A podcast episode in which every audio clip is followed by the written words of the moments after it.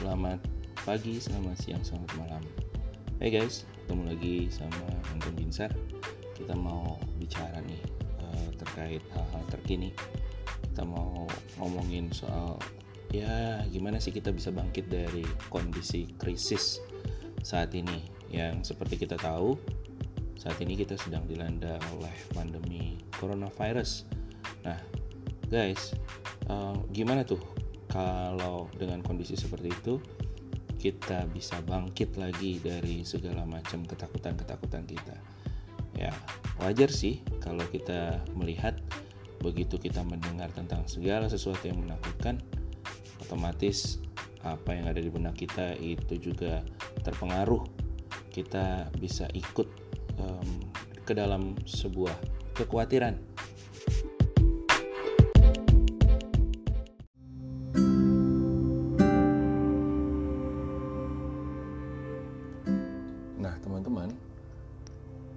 walaupun tanpa ada bombardir tentang berita buruk, pikiran kita tuh secara alami biasa untuk terdistraksi atau terganggu. Um, menurut penelitian yang terbaru, ternyata 58% dari karyawan itu dilaporkan tidak memiliki kemampuan untuk meregulasi atau mengatur perhatian mereka pada saat bekerja. Pada saat mereka sedang melamun, peneliti menunjukkan bahwa pikiran itu gampang sekali terjebak pada pola-pola tertentu dan juga negative thinking. Nah, pada saat kondisi seperti saat ini nih, pada saat kita sedang kondisi krisis, nah, kecenderungan ini semakin menjadi-jadi, membuat kondisi menjadi lebih buruk. Pikiran itu bisa menjadi seperti semakin terjebak, terikat, atau bahkan menjadi semakin obsesif, uh, sama dengan seperti perasaan takut dan perasaan yang uh, tidak berdaya yang semakin membesar. Nah, itulah kenapa ketika kita membaca tentang uh, sebuah berita tentang karantina di sebuah kapal pesiar, itu bahkan kita juga merasa nggak akan bahkan mau untuk melangkahkan kaki ke kapal pesiar tersebut atau bahkan kita juga nggak mau untuk merencanakan pergi dengan kapal pesiar.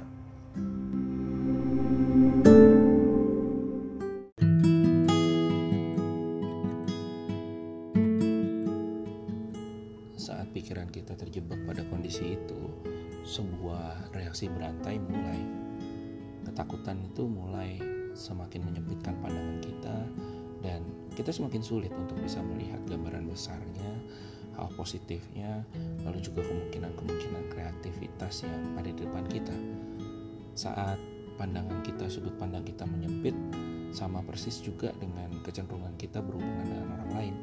Sekarang dengan kenyataannya bagaimana coronavirus itu menyebar begitu luas, itu membuat diri kita juga takut terhadap orang lain kemudian meningkatkan keinginan kita untuk mengisolasi diri yang sebenarnya ini justru menambahkan bahan bakar bagi kekhawatiran kita. Nah, teman-teman, kalau kita melihat dari situasi ketidakpastian saat ini, ya ada sebuah parabel Buddha itu bercerita tentang panah yang kedua. Suatu ketika Buddha bertanya kepada muridnya, kalau seorang terkena dengan sebuah panah, apakah itu menyakitkan? Jika seorang terkena panah yang kedua, apakah itu akan lebih menyakitkan lagi?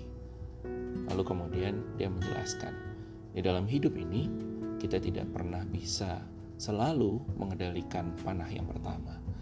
Bagaimanapun juga, panah yang kedua adalah bagaimana reaksi kita terhadap panah yang pertama.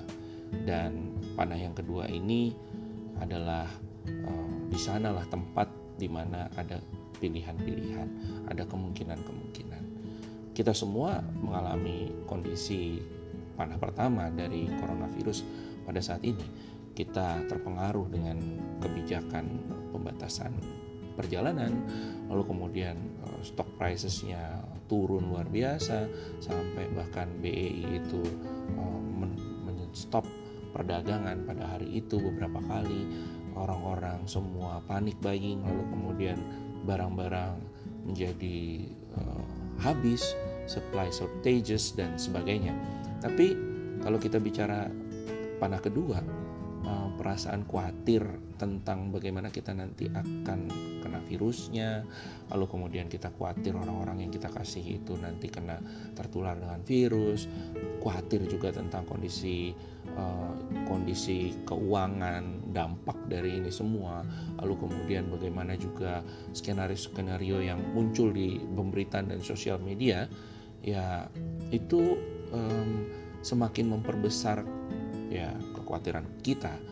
Ya pendeknya sebenarnya eh, panah pertama itu itulah yang menyebabkan sakit yang tidak terhindarkan. Dan kemampuan kita eh, untuk bisa menciptakan kemampuan menerima panah kedua. Nah, teman-teman, penting untuk kita ingat bahwa panah kedua itu yaitu adalah emosional kita Eh, respon psikologikal kita terhadap krisis ini ini sangat alami dan sangat manusiawi tapi ternyata bahwa kenyataannya ini sering kali membuat kita menjadi lebih uh, menderita dengan menyempitkan dengan mengkotak-kotakkan pikiran kita dan kemudian kita jadi tidak melihat secara jelas bagaimana kita dapat bertindak terhadap situasi ini.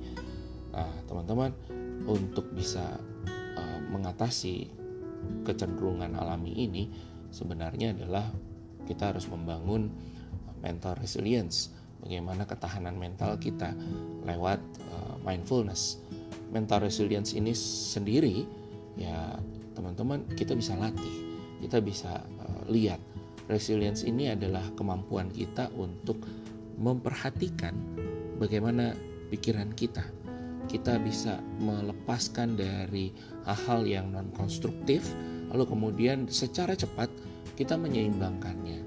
Nah, teman-teman, keterampilan ini tuh bisa dilatih, bisa di bisa dikembangkan.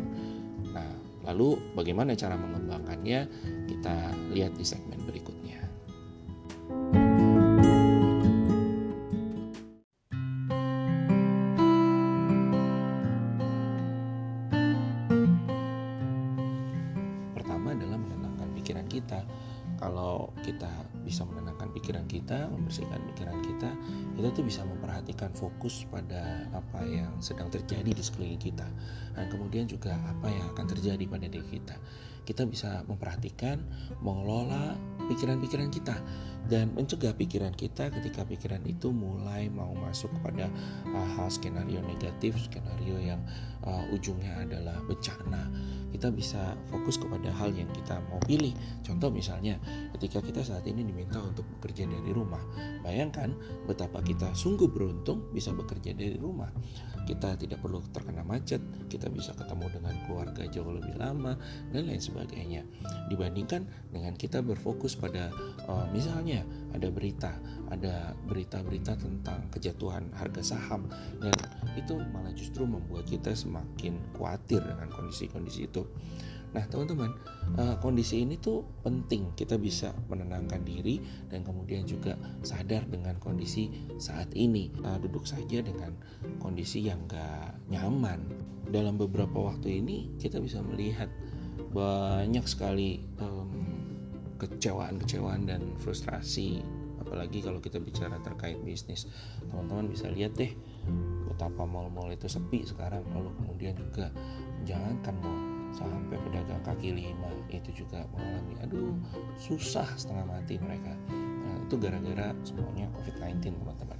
Nah uh, kalau kondisi kayak begini kita tuh perlu untuk menarik diri sebentar lalu kemudian melihat dengan posisi yang lebih jernih. Teman-teman uh, kita boleh mencoba untuk uh, meminimalkan pekerjaan kita lalu kemudian meluangkan waktu lebih banyak untuk melihat semakin kuat otot resiliensi kita. Dan nanti kita akan bisa panggil itu sewaktu-waktu. Sehingga ketika kita bisa membiasakan diri dengan eh, resiliensi seperti ini, menenangkan diri, kita bisa menghadapi berbagai macam krisis, baik itu krisis yang sifatnya global maupun yang sifatnya personal. Lalu kemudian yang kedua, yang kedua adalah lihat melalui jendela, lihat keluar. Teman-teman, uh, keputusasaan dan ketakutan itu bisa membuat kita bertindak lebay, bertindak lebih. Bahkan kita e, merasa bahwa kita perlu melakukan sesuatu daripada hanya sisi yang lain lalu kemudian berefleksi. Dan ketika kita melakukan hal ini, kita tuh bisa lebih jernih dalam memandang. Lalu kemudian kita juga bisa tahu bagaimana sih kita harus melakukan hal-hal ke depannya dengan lebih baik.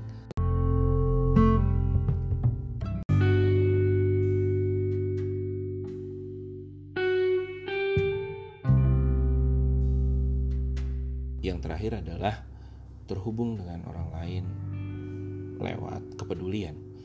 Sayangnya saat ini banyak komunitas yang biasanya memberikan dukungan di saat kondisi stres itu sekarang sedang tutup. Persis seperti kota dan pemerintah yang saat ini sedang bekerja keras untuk membatasi atau mencegah penyebaran lebih jauh dari virus corona yang ada saat ini. Sekolah-sekolah itu ditutup. Mereka siswa-siswa belajar di rumah kegiatan-kegiatan events itu banyak yang dibatalkan dan juga bisnis kantor-kantor itu sudah menyelenggarakan bekerja dari rumah kebijakan seperti itu. Dan juga kebijakan tentang bagaimana uh, kita tidak perlu berkunjung ke luar negeri. Dan uh, secara alami ini membuat uh, rasa terisolasi dan terpisah dari orang. Sehingga ya ini sebetulnya bisa menimbulkan ketakutan dan juga bahkan kekhawatiran. Ya contohlah sederhana ketika hari terakhir kami dapat kebijakan work from home dan split team itu kami merasa tim kami 13 orang tuh merasa aduh kok sedih ya kami harus berpisah. Dan kapan nih kita akan ketemu lagi? Mungkin enam bulan ke depan setelah uh, wabah ini berakhir. Dan ya teman-teman kondisi ketakutan-ketakutan itu bisa membuat stigma-stigma dan juga penghakiman uh, sehingga kita mencari siapa yang dihakimi atau siapa yang dihindari bersama juga dengan uh, sebuah mindset atau sebuah perilaku yang uh, survivalist di mana setiap orang itu bertindak untuk dirinya sendiri. Jadi pengen selamat diri sendiri. Kita bisa dengan mudah itu memperlu, melupakan ketergantungan kita satu dengan yang lain. Tapi uh, teman-teman uh, sebuah hubungan yang berarti itu bisa terjadi walaupun kita berada dalam jarak social distance satu setengah meter gitu yang harus kita lakukan antara kita dengan tetangga kita. Dan semuanya itu mulai dengan kepedulian. Kepedulian itu adalah bagaimana kita punya kehendak untuk bisa memberikan manfaat kepada orang lain dan itu mulainya dari pikiran kita teman-teman ya secara mudahnya adalah uh, kepedulian itu mulai dengan bagaimana kita menanyakan diri kita sebuah pertanyaan ketika kita menjalani hari kita dan terhubung baik itu secara virtual maupun secara pribadi dengan orang lain dengan pertanyaan adalah uh, apa yang bisa saya bantu untuk orang ini yang ada di depan saya untuk bisa mengalami hari yang lebih baik. Dengan pertanyaan yang sederhana seperti itu, hal yang luar biasa itu bisa terjadi. Pikiran kita semakin berkembang, bertumbuh, terbuka, mata kita terbuka terhadap apa dan apa yang sedang terjadi di depan kita, dan kita juga bisa melihat kemungkinan-kemungkinan terhadap uh, diri kita dan kemudian juga dengan orang lain dan uh, ini adalah sesuatu yang bisa memperkaya harapan dan kemudian nanti berbuah juga dengan kesempatan-kesempatan yang luar biasa. Jadi teman-teman uh, sekali lagi pesan dari saya adalah jangan merana karena corona.